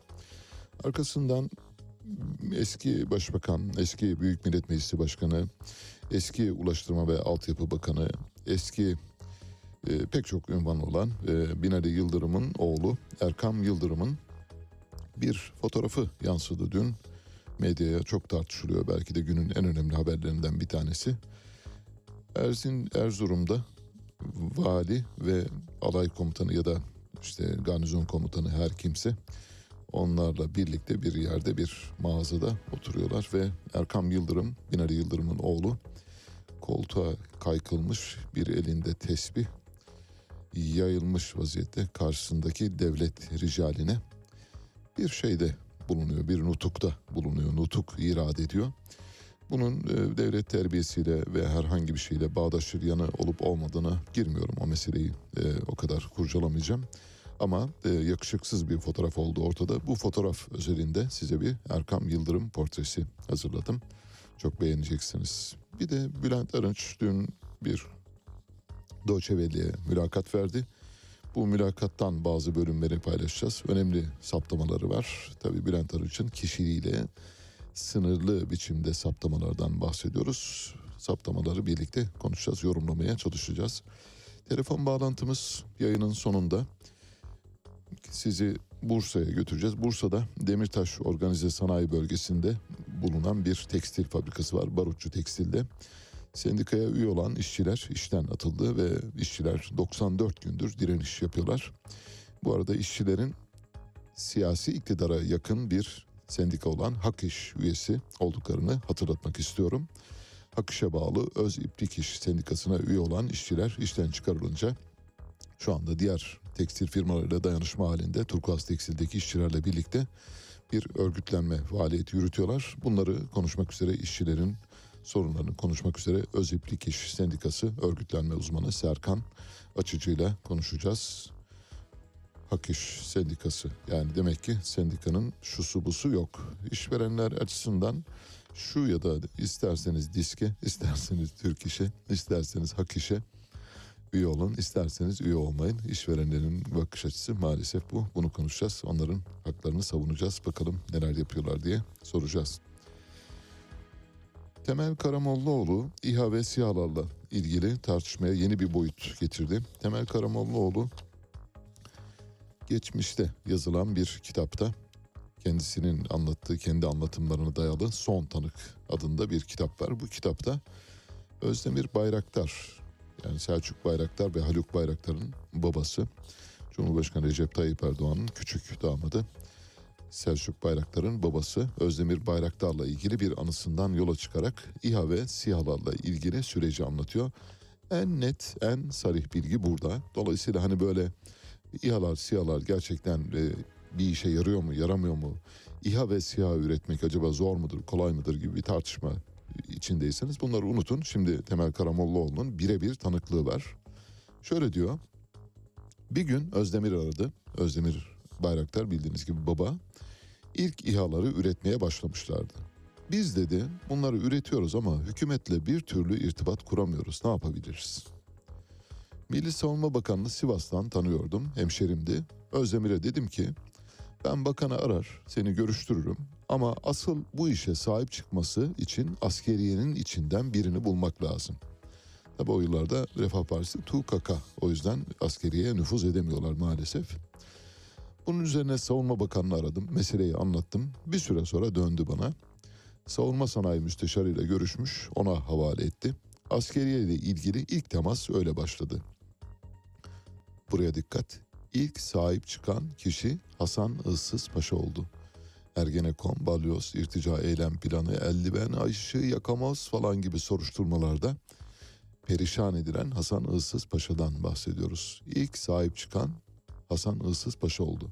O zaman yanlış hatırlamıyorsam ya kor generaldi ya da or general.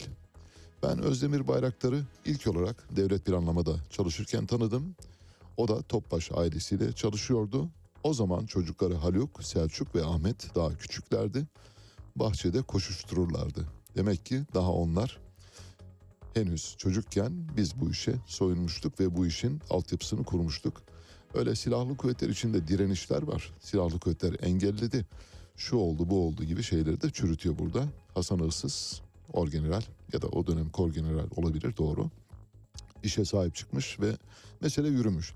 Ancak hala şu iddiayı süre, sürdürebiliriz. Evet İHA ve SİHA yapımına karşı içinde NATO inisiyatifinin olduğu bazı gruplar ki bunlara askerler de dahil. Türk Silahlı Kuvvetleri de sonuçta bir NATO ordusu. Aynı zamanda evet bir milli ordu ama NATO'dan besleniyor. Bu yüzden de NATO içindeki bazı mahfiller İHA ve SİHA'ların Türk e, savunmasına girmesini engellemek için olağanüstü yöntemler denemiş olabilirler. Elbette Selçuk Bayraktar'ın yaptığı iş son derece önemli. Büyük bir bariyeri, büyük bir kırılmayı yaratmıştır. Bir duvarı kırarak geçmiştir aslında. Duvarın öte tarafına geçmeyi başarmıştır. Bu bakımdan son derece önemli. Yaptığı işin de gerçekten kayda değer ve Türk savunması açısından e, mühim olduğunu düşünüyoruz. Fakat hani böylesi bir takım yollara saparak e, işte Ali Babacan üzerinden e, siyaset e, devşirilmesi de yanlış. Ortada bir gerçek var. O gerçek şu. Sonunu getiriyorum. Temel Karamollaoğlu'nun anlatımına bakarak söylüyoruz ki bu işe direnenler de var, direnmeyenler de var. Bu işin önünü açanlar da var, kapatanlar da var. İkisini yan yana koyun, ayrı ayrı tartın. Dolayısıyla hepsini aynı anda tartmayın. Askerler bu işe karşıydı. Öyle bir şey yok. İşte orada Hasan Issız Paşa yolu açan adam burada.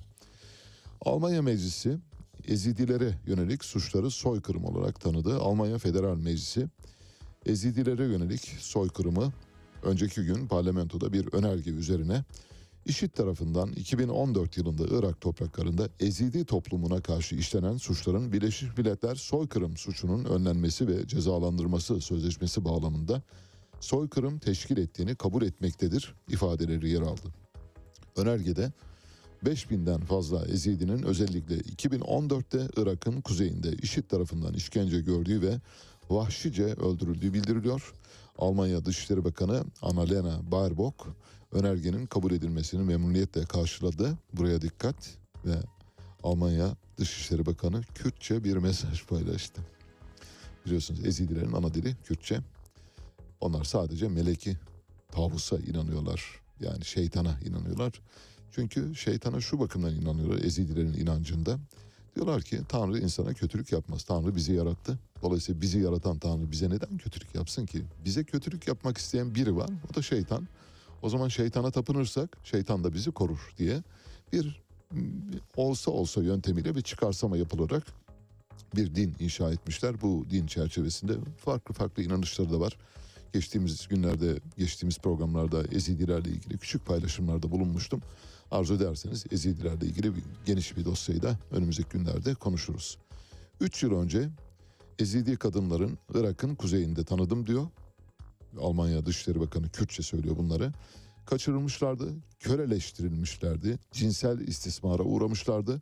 Onların bu acısı beni hiç bırakmadı. Bundestag yani Almanya Meclisi IŞİD'in Ezidilere karşı suçlarına isim koymaya karar verdi. Bu dünyadaki hiçbir parlamento kararı Ezidilerin acılarını dindiremez. Ancak bu kararın bir fark yaratacağına derinden inanıyorum. Bu adın acıların hafiflemesi ve kurtulanlar için adaletin tecelli edilmesi açısından önemlidir. Bayerbok paylaşımında ayrıca dünyadaki en büyük Ezidi diasporasının da Almanya'da yaşadığını vurguladı. Şu anda ülkemiz dünyada Ezidilerin en büyük diasporası. Bugünkü oylama onların aralıksız çabalarının bir borcu niteliğindedir diyor. Konuşmasının üçte birlik bölümünü Kürtçe yapmış. Nasıl? On numara. Avrupa Parlamentosu'nda yolsuzluk soruşturması sürüyor. Bildiğiniz gibi bir Yunan parlamenter Eva Kaili. Eva Kaili'nin evinde bol miktarda nakit para bulunmuştu. Cash bulunmuştu ama ayakkabı kutularının içinde değildi. Çikolata kutularının içine de saklanmamıştı. Başka yerlere saklanmıştı. Eva Kaili'nin avukatı şöyle dedi. Duruşmanın ardından e, müvekkilim suçsuzdur. Kaili'nin Brüksel'deki federal polis karakolundaki hücrede yaşadıkları orta çağ anım, anımsatıyor. Uyuyamadı bile bu yasaktı üşüyordu montunu aldılar soğuk bir odada bırakıldı ikinci bir battaniyeye izin verilmedi vah vah. Ya, ikinci battaniyeyi vermemişler bu, bu kötü. Birinci tamam ikinci battaniye yani hakkını çok, çok büyük eziyet ama olmaz. Yıkanmasına izin vermemişler. Bunların hepsi birer işkence diyor. Doğru katılıyorum. Elbette burada bulunan nakit para meselesine bakmak lazım. Belçika makamları yolsuzluk, rüşvet, kara para aklama soruşturması kapsamında Eva Kaili'nin evinde 1,5 milyon euro nakit para ele geçirmiş ve 4 kişiyi gözaltına almıştı. Ayrıca Eva Kaili ve arkadaşları yani çete e, Avrupa Parlamentosu içindeki rüşvet çetesi Fas dahil pek çok ülkeye rüşvet dağıtmış. Fas'ta ve Varşova'daki pek çok bürokrata rüşvet dağıtmışlar. Eva Kaili'nin durumu kime benziyor? Mesela Muammer Güler'in durumuna benziyor değil mi? Egemen Bağış'ın durumuna da benziyor. Zafer Çağlayan'ın durumuna da benziyor. Erdoğan Bayraktar'ın durumuna da benziyor. Evet rüşvetlerle yakalandılar. Sadece istifa edip görevi bırakmak durumunda kaldılar. Soruşturma falan yok. Gerek yok onlar. Onlara hiç gerek yok. Uğraştırmayın bizi diyorlar. Bir dosyamız vardı onu henüz hazırlayamadım maalesef. Dosya dediğim aslında bir bilgi. Ama bilgiyi çok sağlamlaştıracağım.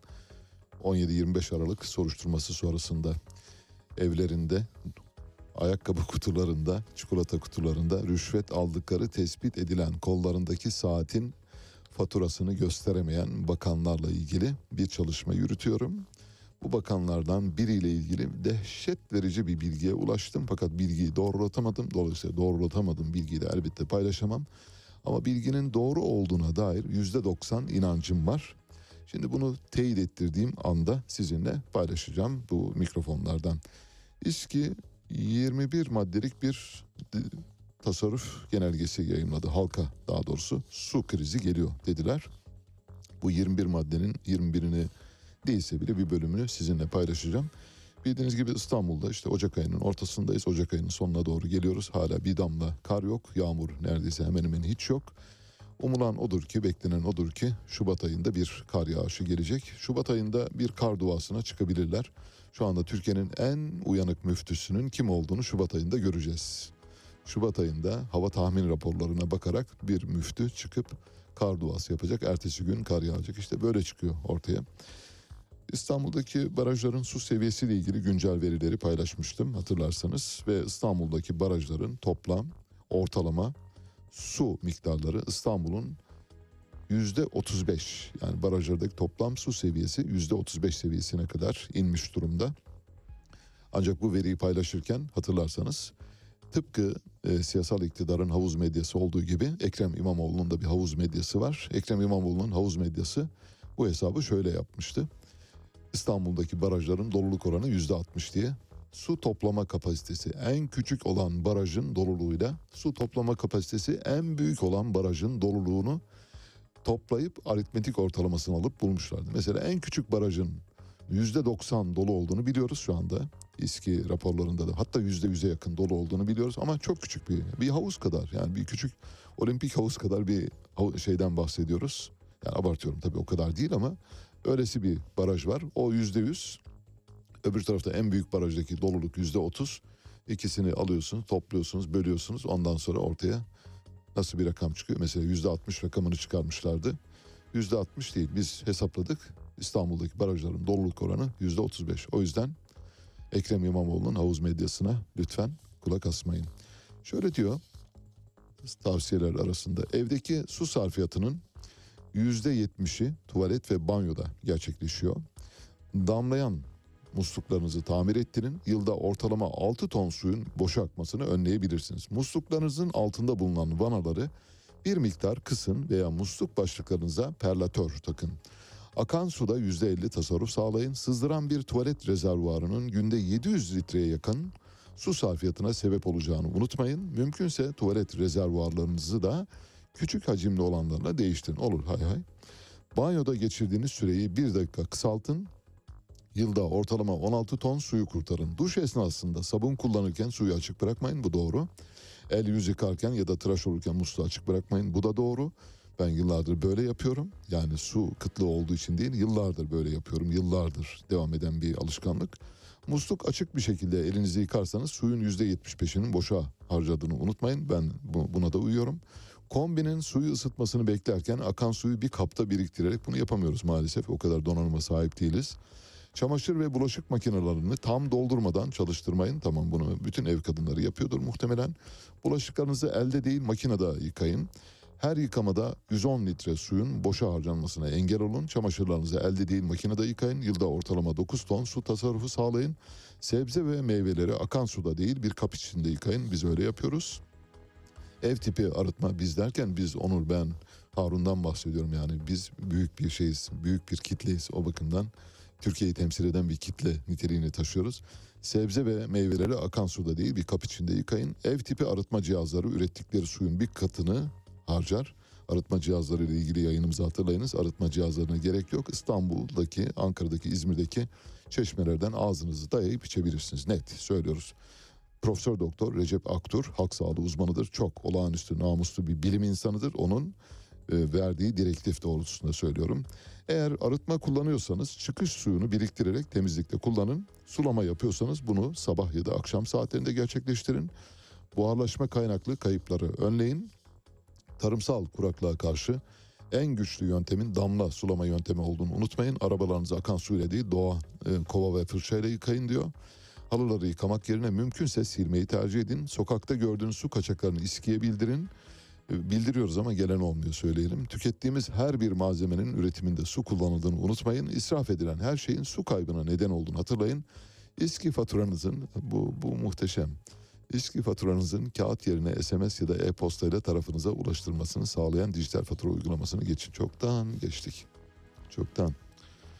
Evet peki siz neredesiniz? Biz neredeyiz? Geldik mi? Nereye geldik? Hangisiyle başlayalım? Ee, Erkam Yıldırım mı yoksa Jacinda Ardern mü? Hangisi tercih edersiniz? Jacinda peki. Onurcuğum tamam. Onur'un tercihiyle. Çünkü biz öyle yani kendi kendimize karar veriyoruz. Programı kendimiz için yapıyoruz söyleyeyim size. Bu arada belirtmiş olalım. Biliyorsunuz e, Demi Moore'un mm, Striptease diye bir filmi vardır. İzlediniz mi bilmiyorum. Demi Moore'un gençliğinde çektiği çok muhteşem bir filmdir.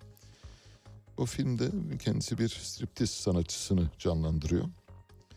Sonra bir sevgilisi var. Sevgilisi bir gün onun striptiz sanatçısı olduğunu öğreniyor. Ve karşısına geçiyor diyor ki utanmıyor musun? Diyor ki niye utanayım? Ama işte soyunuyorsun diyor onun bunun önünde. Nasıl diyor yani o benim işim diyor iş yapıyorum diyor para kazanıyorum işte. Ama başka iş yapsan diyor yani bu gayri ahlaki bir şey. Bunu yapmasan olmaz mı diyor. Diyor ki sana bir şey söyleyeyim mi diyor. Ben diyor kendim için soyunuyorum. Ben kendim için yapıyorum. Biz de kendimiz için yapıyoruz. Gerçekten samimiyetle söylüyorum. Ama tabii hoşlanıyorsanız bizi zaten dinliyorsun. Hoşlanmıyorsanız zaten söyleyecek bir şey yok. Her görüşümüze katılmanız gerekmez. Biz de sizin her görüşünüze katılmayız. Ama her görüşe saygı duyduğumuzu biliniz. Her görüşü mutlak surette mikrofonlara taşımayı sürdürüyoruz sesi az çıkan bütün kesimlerin sözcüsü olmaya gayret ediyoruz. Yani tek bir işçinin işinden olmasına bile göz yummuyoruz. Canım ne var ki bir tek işçi işten çıkarılmış diye bunun için kıyamet koparmaya gerek var mı diye düşünmüyoruz. Gerçekten o tek işi yayın alabiliyoruz. O yüzden böyle yürümeye gayret ediyoruz. Şimdi Türk medyasının bu olay karşısında sınıfta kaldığını bir kez daha hatırlatmama gerek var mı? Türk medyası Jacinda Ardern'ü dünyanın en genç başbakanı diye verdi. Bütün medya da böyle bu arada. İsterseniz bugün bakın medyaya. Basılı gazetelerin hepsine bakın orada göreceksiniz. Bir defa Jacinda Ardern dünyanın en genç başbakanı değil. Bu bir. Dünyanın en genç başbakanı kimdi?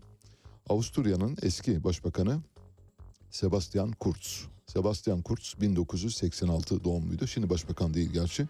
Hatta Cumhurbaşkanı Recep Tayyip Erdoğan o dönemde e, Sebastian Kurz başbakan iken kendisine Avusturya ile ilgili bir problem olmuştu. Demişti ki senin yaşın kaç ya? ya yaşın, yaşın kadar konuş. Şimdi mesela uluslararası literatürde yani bir başbakanın diğer başbakana yaşıyla ya da kişiliğinde kişiliğinde temerküz etmiş bir özelliğiyle seslenmesi kadar tuhaf bir şey olamaz yani garip. Hani garip ötesi bir durum. Neyse Sebastian Kurz şu ana kadar bilinen dünyanın en genç başbakanı oydu. 1986 doğumluydu ve iktidara geldiğinde 30 civarındaydı. 30 yaşına henüz yeni değmişti öyle söyleyelim. İkincisi bakın hala yaşın Jacinda Ardern'e gelemedik. Dikkat ederseniz en genç başbakanları sıralıyorum. Diğeri Finlandiya Başbakanı Sanna Marin 1985 doğumlu. Dolayısıyla o da değil. Jacinda Ardern 1980 doğumlu.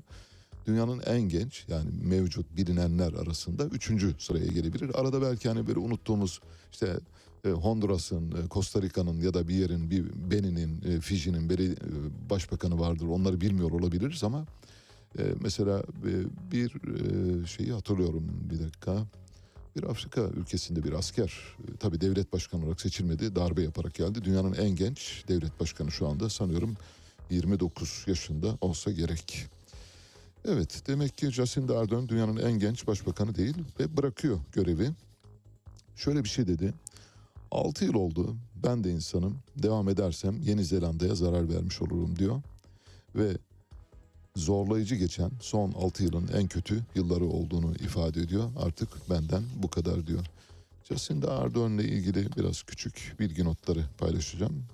Kendisi 1980 Yeni Zelanda doğumlu Hamilton kentinde dünyaya geldi. Yeni Zelanda İşçi Partisi'ne mensup. Yeni Zelanda İşçi Partisi oradaki kurumsal devlet partisinden sonraki parti. Yani şöyle düşünün Cumhuriyet Halk Partisi ve Cumhuriyet Halk Partisi ile e, yarışan, rekabet eden diğer partiler gibi düşünün. Jacinda Ardern işte o Cumhuriyet Halk Partisi'ni yenerek iktidara geldi, onu başardı. 2017'de ülkesinde yapılan seçimde Ulusal Parti yani ülkeyi kuran Yeni Zelanda'nın kurucu babası olan parti Ulusal Parti yüzde 46 oy aldı. Jacinda Ardern'ın İşçi Partisi yüzde 36 oy aldı. Fakat diğer iki küçük parti vardı. New Zealand First partisiyle Yeşiller Partisi e, Jacinda Ardern'ı dışarıdan desteklemeye karar verdiler. O da hükümeti kurdu ve böylece ülkenin üçüncü kadın başbakanı oldu. 2017'de göreve başladı. Kapitalizme karşı son derece cesur açıklamalar yaptı. Antikapitalist aynı zamanda. Müthiş şeyler söyledi. Ayrıca evlendi, e, başbakan olduğunda evli değildi. Bir erkekle birlikte yaşıyordu. Ondan çocukları vardı. Başbakan olduktan sonra böyle hani usulen bir nikah kıyarak en azından hani sistemin içine girme yolunda bir adım attı.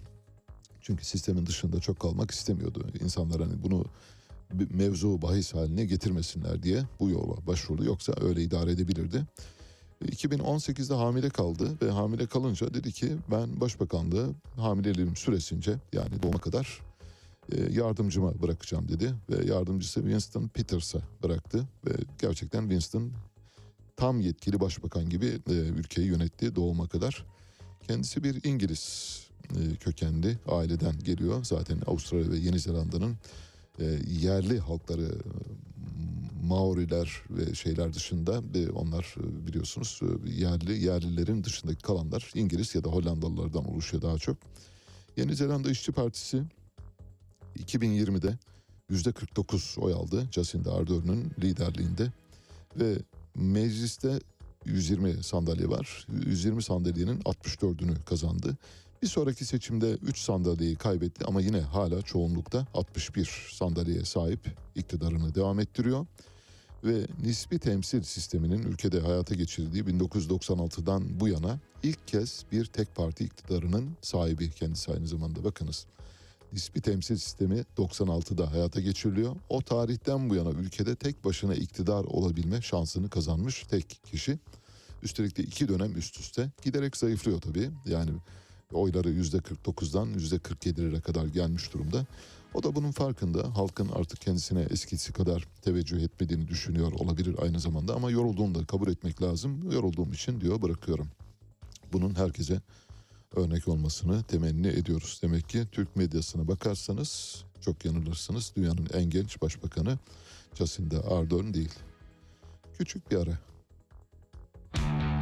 Enflasyon bir armut gibi böyle olgunlaşıp daldan düşebilecek bir data değildir dedi. Şimdi fiyatlar düzeyi belli bir seviyeye kadar ulaştığında hepimizin günlük hayatında biz ne yapıyoruz? İşte bir bardak 10 lira, yarın 15 lira oluyor, bir gün 20 lira oluyor. Siz eskiden altılı bir bardak alırken üçlüye dönüyorsunuz, ikiliye dönüyorsunuz. Talep burada azaldığında belki enflasyonun belli bir noktada durması sonucu oluşabilir.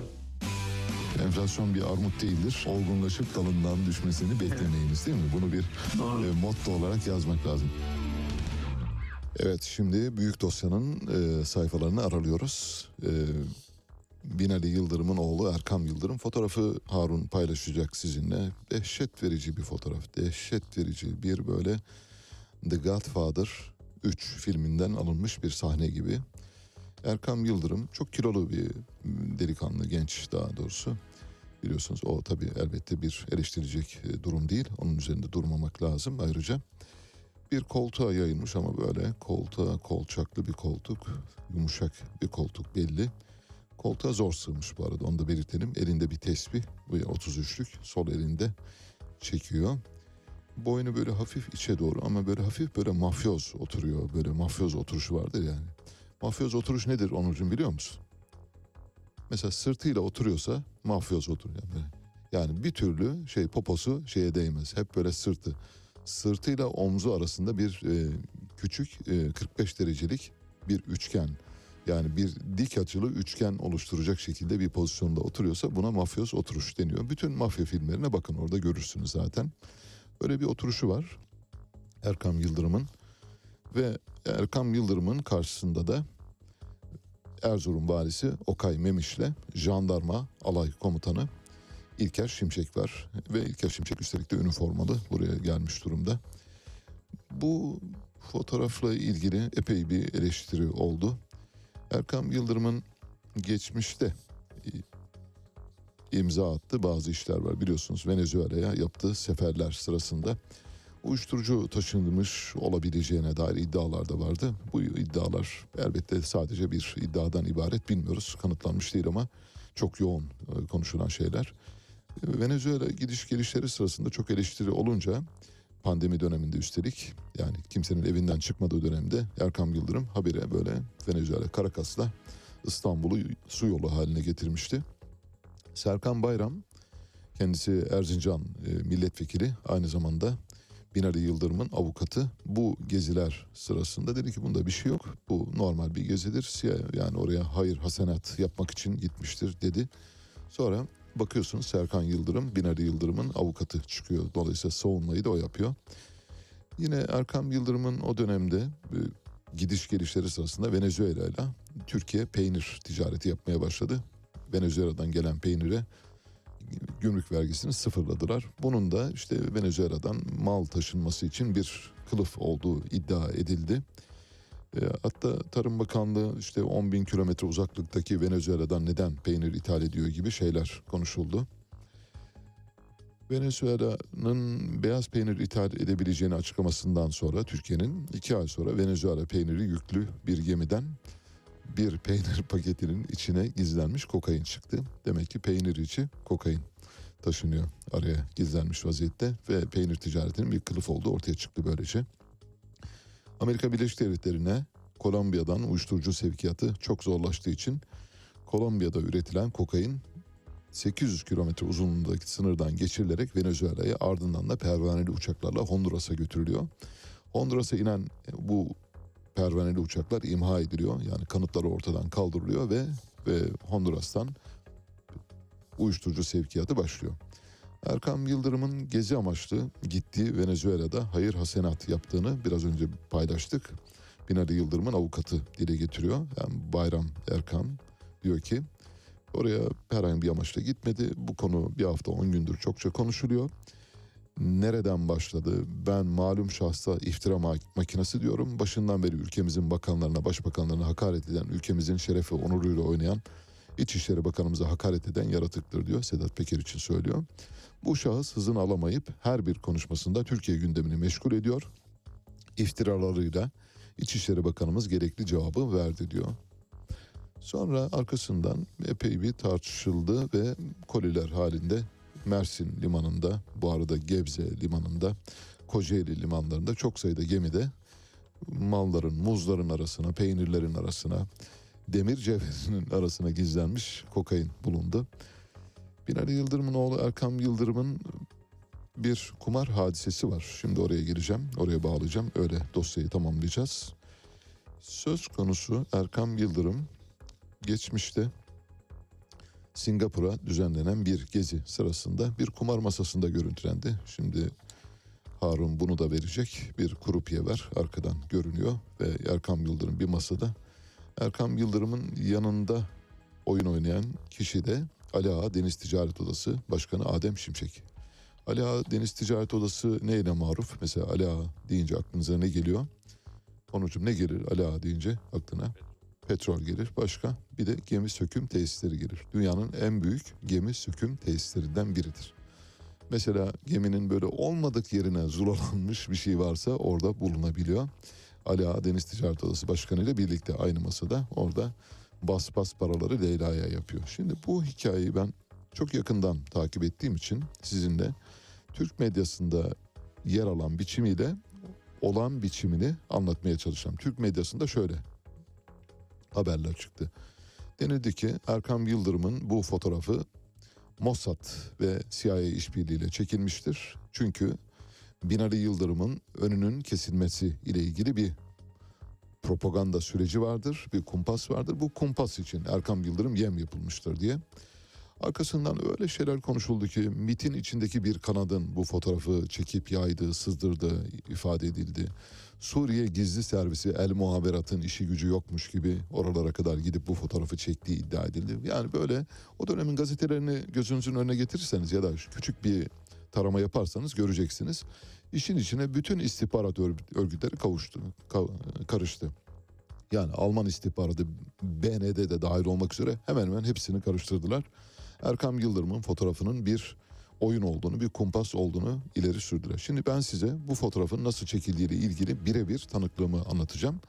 Dolayısıyla Türkiye'de haberlerin nasıl yapıldığını da böylece daha iyi anlamış olacaksınız. Bu fotoğrafı çeken kişi Sözcü gazetesinde çalışan benim de çok yakından tanıdığım bir gazeteci Taylan Büyükşahin'dir. Oraya bir grup gazeteci gidiyor. Bir başka vesileyle bir ihracatçı birliği çerçevesinde bir gezi düzenleniyor. İhracatçı birlikleri bildiğim bazı ülkelere giderken küçük bir gazeteci grubu da oluştururlar. Oradaki haberlerin işte Türk medyasına yansıması bakımından. Singapur'da böyle bir e, ihracatçı birliği gezi düzenliyor. 5-6 gazeteci var toplamda. İşte gazeteciler tabii oraya gidince elbette ister istemez. Şimdi şöyle düşünün. Singapur'a gitmişsiniz mesela. Diyelim Paris'e gittin. Paris'e giderseniz ilk nereye uğrarsınız? Disneyland'e değil mi? Paris'e gidip Disneyland'e uğramayan insana e, sormazlar mı? Abi oraya kadar gittin niye bir uğramadın? Bak orada ne güzel şeyler var. Şimdi Singapur'a gidince de kumarhaneye uğruyorsunuz yani gidiyorsunuz. Yani görmek için gidiyorsunuz.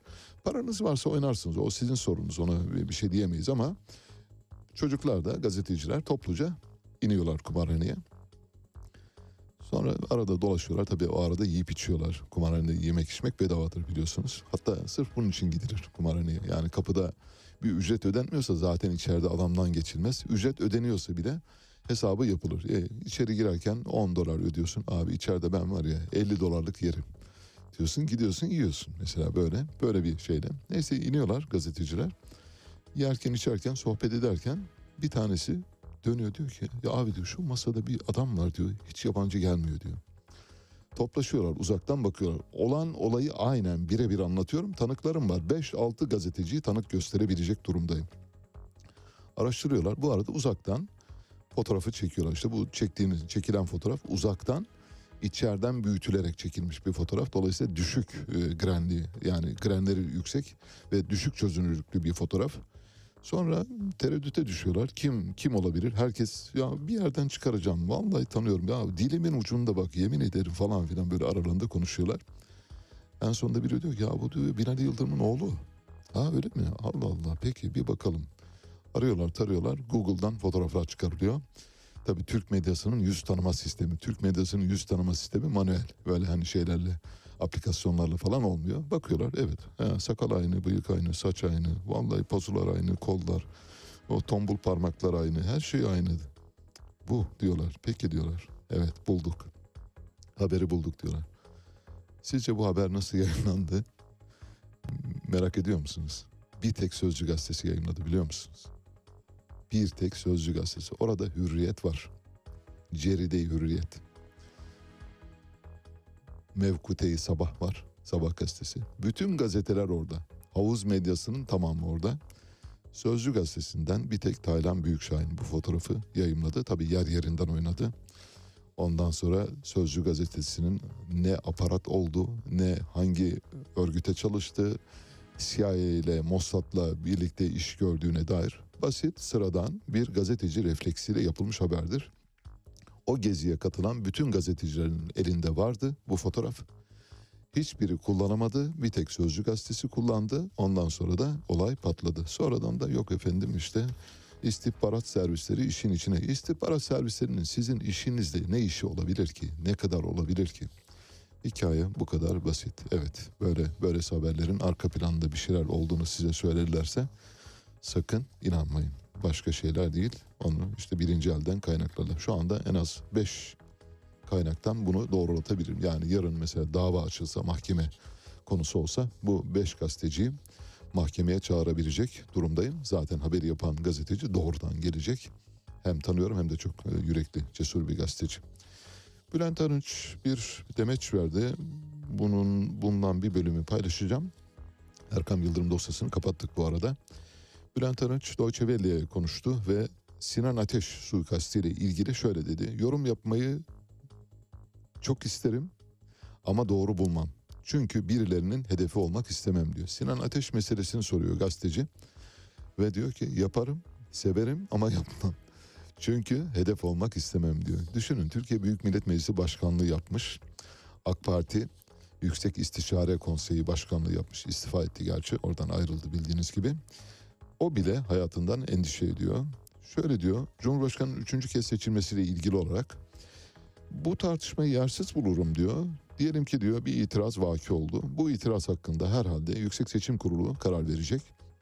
Yüksek Seçim Kurulu'nun da aday olabilir şeklinde bir karar vereceğine ben bugünkü kadar kararlarına bakarak ikna oluyorum. Dolayısıyla muhalefet de olamaz diyerek itirazın son noktaya kadar götürmesin. Seçimlerde de mücadelesini tam yapsın. Yani pehlivanın yenileceğini anlayınca bahane bulmasına gerek yok. Er meydanına çıkıp üçüncü defa, beşinci defada olsa ben seninle mücadele edeceğim derse halkta ayrıca bir güven yaratırlar diyor. Yıllardan beri süren bu diploma tartışması var ama diyor diploma tartışmasına vallahi diyor buna da girmek istemem ama diyor varsa ortada çıkar çıkarabilirsiniz diyor. Mevcut seçim sisteminde bir revizyona ihtiyaç var mı diyor. Ona bir yanıtı var. Geçiyorum orayı. Sinan Ateş konusuna geleceğim. Şimdi Sinan Ateş konusunu buluyorum. Uzun bir röportaj bu arada. Yani sizi e, kelimesi kelimesine okuyarak e, fazla bilgiye boğmak istemiyorum. Evet aramızdaki buzlar eridi mi? Sinan Ateş meselesi evet diyor ben bu konuda konuşmak isterim. Konuşmayı da severim. Fakat e, maalesef bu diyor bir defa çok alçakça işlenmiş bir cinayettir. Özellikle eşi ve iki tane kız çocuğuyla fotoğraflarını görünce fevkalade üzüldüm. O kız çocuklarının babasız kalmalarından kahpece bir cinayetle kasten öldürülmesinden fevkalade üzüntü duydum. Yapabileceğim tek şey onun hakkında bir Fatiha okumaktı, Yasin okumaktı. Bunu da yaptım. Bunun dışında bir yorum yapmayı çok şeyler bilsem de doğru bulmam biliyorum demek istiyor. Çünkü birilerinin hedefi olmak istemem ama bu konuda benim yani samimi olarak duyduğum kadarıyla Sayın Cumhurbaşkanı da fevkalade üzülmüş. Neye mal olursa olsun bu işin bütün yönleriyle araştırmasını istemiş. Kendisinin Sinan Ateş'in ailesiyle görüştüğünü ifade ediyorlar. Belki de belli bir projenin sonucu olarak öldürüldü. Kızlarının hatırına, eşinin hatırına bu cinayetin sonuna kadar aydınlatılması lazım. Cumhurbaşkanımızın talimatının bu olayı aydınlatacaksınız şeklinde olduğunu da çok yakınlarından duydum. Bu da beni çok mutlu etti. Erbakan Hoca karşı tarafta kendi aralarında bir tartışma olur da bize bir şey sorarlarsa onlar birbirlerini bizden daha iyi tanırlar. Genelde iki tarafta doğru söyler derdi.